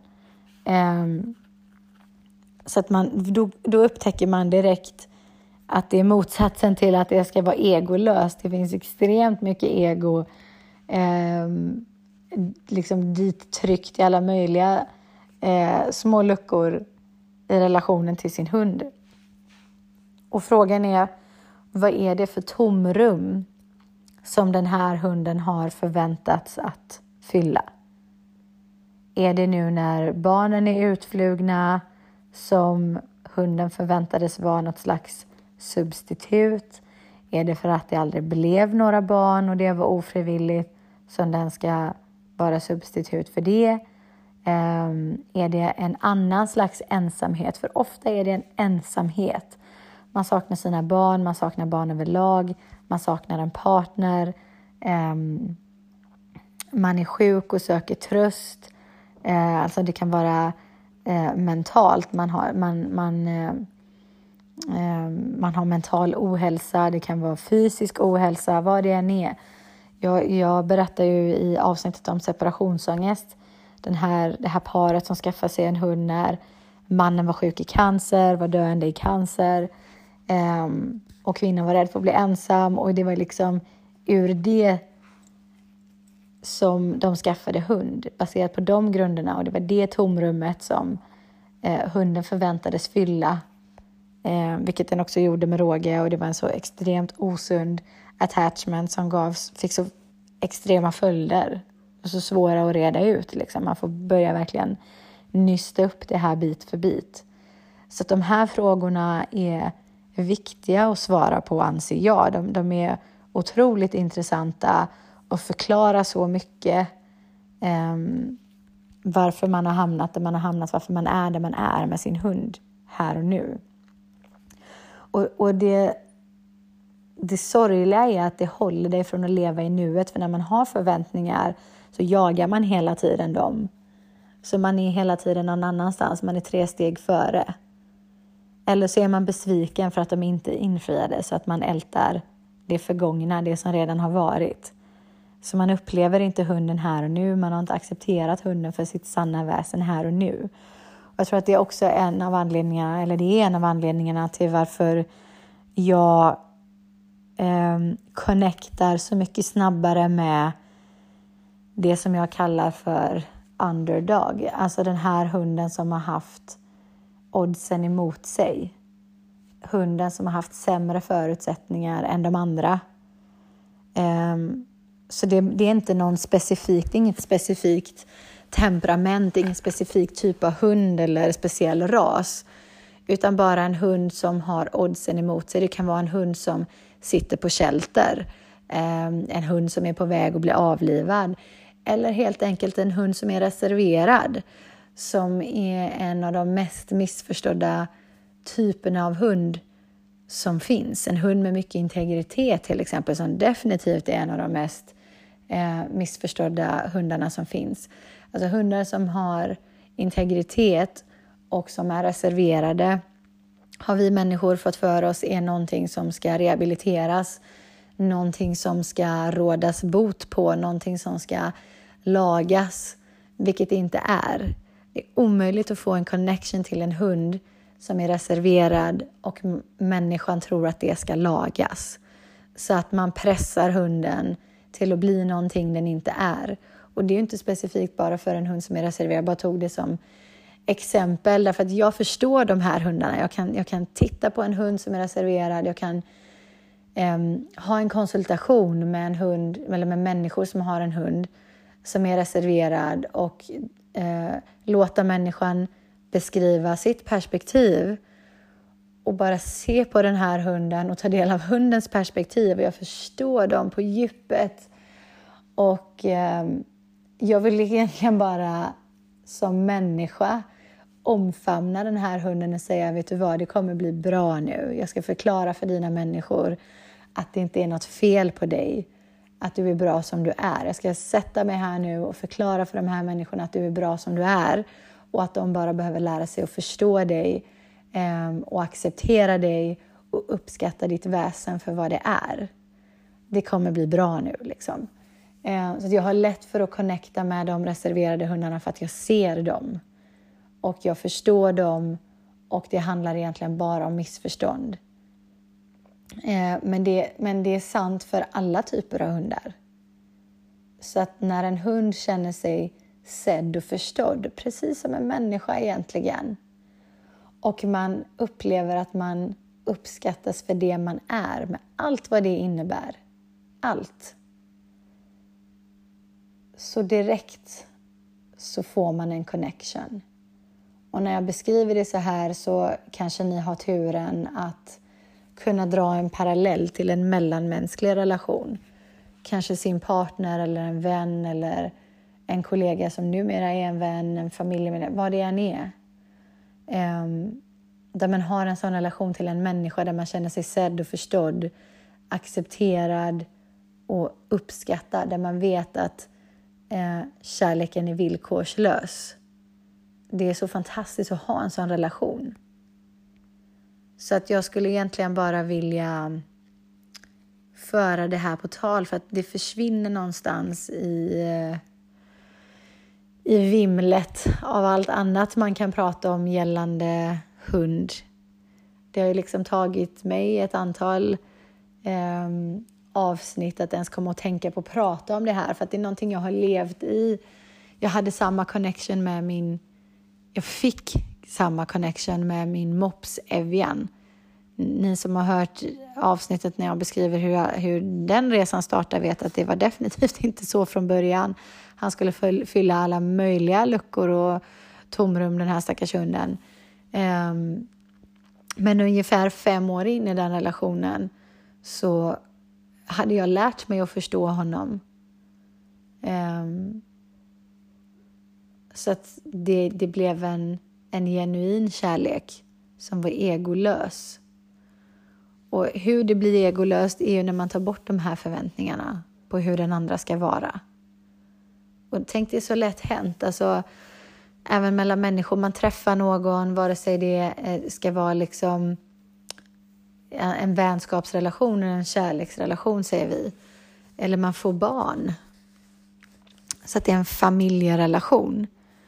Direkt så får man, man får ett intryck, den andra personen gör ett intryck och baserat på det intrycket så eh, bildas de förväntningarna man får och sen går resten ut på att se till att infria dem.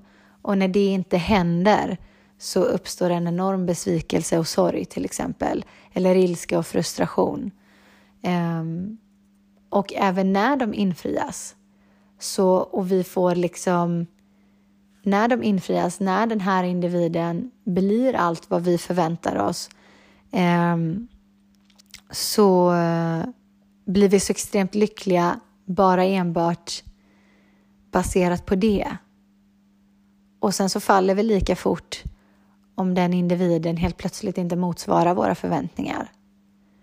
Så det är någonting väldigt svårt, alltså, och det är jobbigt att erkänna det, men även liksom, när man, man tittar så här, är det en connection du har till dina barn eller är det attachment? Väldigt många gånger så är det attachment som föräldrar känner till sina barn. Och det är så tabu för att liksom, kom inte här och säg att jag inte älskar mina barn. Nej, gud, det säger jag inte, men det finns en attachment där som man vill röra mer mot en connection för att det ska bli så instinktivt och äkta och sårbart och intimt och synkat som möjligt. Och jag, jag kan säga att jag för egen del så upplever jag det här själv i mellanmänskliga relationer där folk har förväntningar på mig. Folk vill att jag ska fylla deras olika tomrum eller någon lucka hos dem som jag egentligen aldrig har sagt att jag vill eller kan.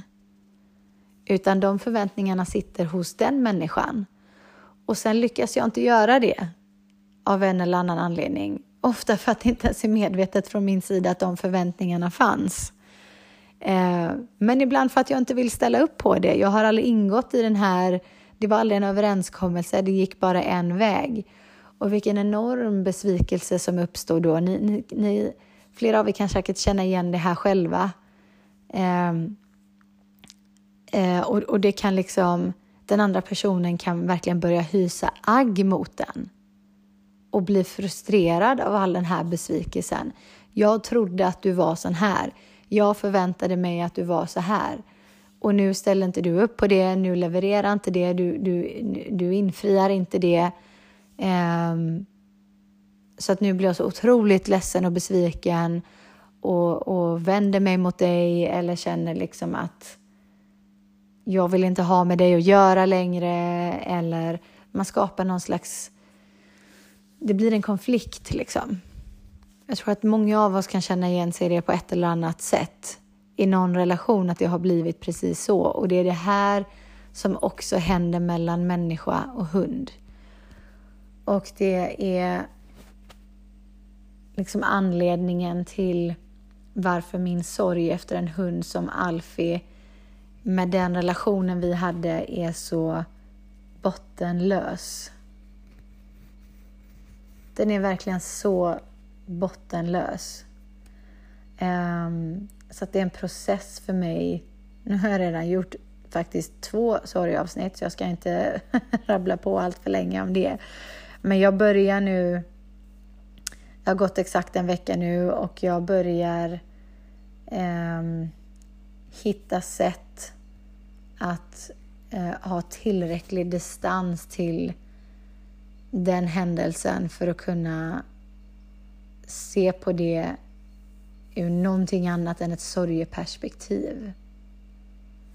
Vilket är viktigt för mig. Jag vill, jag vill kunna bemöta den här perioden, bemöta den här incidenten och, och liksom förhålla mig till det här um, på ett annat sätt än via sorg. Och det brukar tiden hjälpa till med, om inte annat, men också en massa sorgearbete.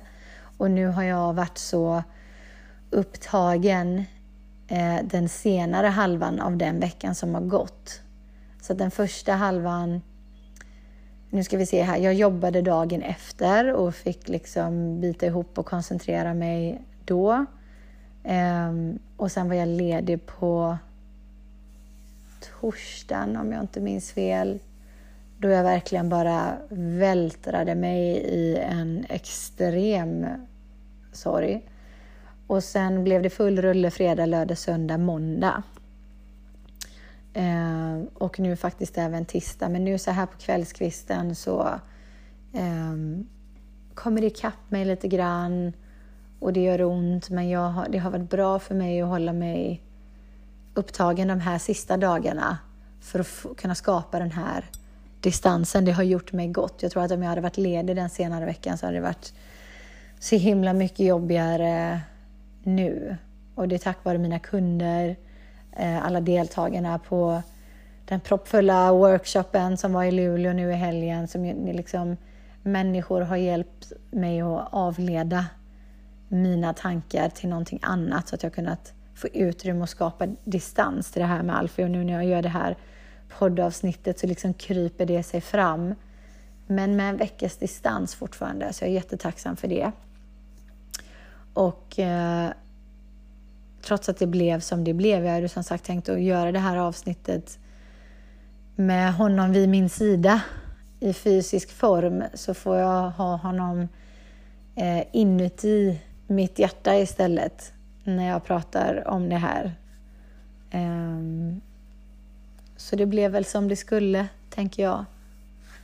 Jag bara väljer alltid att känna en så enorm tilltro till att saker blir vad jag behöver att de blir för att utvecklas. Och eh, jag lever verkligen efter mottot att man måste... Alltså vägen igenom någonting är verkligen igenom. Man kan inte hoppa över det eller gå runt det utan man måste verkligen igenom det om man ska bearbeta klart och kunna gå vidare. Så att det var... Det låg väl rätt i tiden. Men eh, för att inte sväva iväg för mycket. Jag eh, föreslår att ni eh, funderar kring det här med connection kontra attachment och att ni gör en inventering av er egen relation till er hund och varför inte till andra människor. För att först när man blir medveten kan man ta de här stegen som man vill och behöver mot ett sundare jag, sundare relationer, en sundare livsstil, en sundare vardag och tillvaro. För det är ju ändå det vi allihopa vill. Um, ja, jag hoppas att jag har kunnat um, ja, men liksom inspirera nya tankegångar, nya perspektiv, nya saker och nya sätt att se saker och ting på. Ehm, det är en bra mental stimulans att tänka lite grann utanför lådan ehm, och fundera kring saker man inte har gjort tidigare och försöka få rim och rason på det. Och så hoppas jag att det ska motivera er till att börja främja mer av en connection, med era hundar istället för attachment. För att det ska bli så ni ska bli så synkade med era hundar som möjligt. Gud vad jag har sagt det ordet i det här avsnittet men jag upptäcker hur mycket jag gillar det ordet. Synkade alltså, det är ju definitivt det man vill vara. Och då förstår man också att när man är synkad med någon eh, så finns det en öppenhet, en mottaglighet, en följsamhet i det som trots allt ändå är vad vi vill främja hos våra hundar. Och det blir lättare för oss att tillämpa ett eh, stabilt men flexibelt ledarskap för våra hundar så att vi blir vad de behöver som hund i människans värld. Så ja, det var allt för idag. Tack så mycket för att ni lyssnar. Och jag har en liten eh, idé om att jag, eh, jag skulle vilja nu har inte jag tänkt igenom det här ordentligt så att jag får nog göra det och skriva något inlägg om det och samla in det den vägen. Men jag har tänkt att jag vill ju också se till att välja ämnen som många av er eh, inte bara vill lyssna på utan behöver lyssna på just nu. Eh, för det vore ju väldigt tråkigt om det sitter en hel massa människor, eller en jäkla massa människor där hemma som behöver råd om Ehm, ett tema och så tar det fyra år innan jag kommer dit. så att jag tänker så här att jag skulle, jag tror att jag kommer att göra så att jag skriver ett inlägg och så får jag ta några teman i taget, annars blir det bara så som jag gjort innan när jag har uppmanat er till att eh, bara komma med random förslag, eller de är inte random för er, men de blir det för mig. Det blir väldigt svårt att sätta ihop någonting av det känner jag. Och det är väldigt svårt för mig att veta hur många egentligen jag kan bara basera det på mitt kundunderlag, men det är ju så många fler än vad som har möjlighet att ta sig hit. Och därför så är det lättare för mig att säga, okej, okay, eh, jag skulle vilja, jag föreslår tre teman, till exempel morgningar, eh, flockdynamik, eh, nu har jag redan pratat om det, men jag bara tar det för att jag orkar inte tänka längre, separationsångest. Och så säger jag de här, jag får, ni har de här tre teman. Bomba mig med alla frågor ni kan gällande de här tre ämnena. Och så sammanställer jag någon liten lista med det och så ser jag till att göra ett avsnitt eh, med detta om jag märker att jag får många frågor om detta och få med svaren på de här frågorna så, länge, så långt det går när jag inte har när jag inte vet exakt vem det gäller och så vidare. Det tror jag blir en bra, eh, lite mer individanpassad, eller individ är väl kanske att överdriva, men eh, publikanpassad eh, podd som kan ge er ännu mer. Jag vill i alla fall köra en testperiod och se vad det ger och se vad ni tycker och se vad jag får för feedback på det upplägget. Så att förvänta er ett litet eh, inlägg om det. Och så hoppas jag att ni har frågor men tack för den här gången allihopa. Jag önskar er en supertrevlig morgon, middag, kväll, natt när ni nu än lyssnar på det här. Eh, så får ni ha det så bra. Tack för er tid. Toodiloo och mot balans.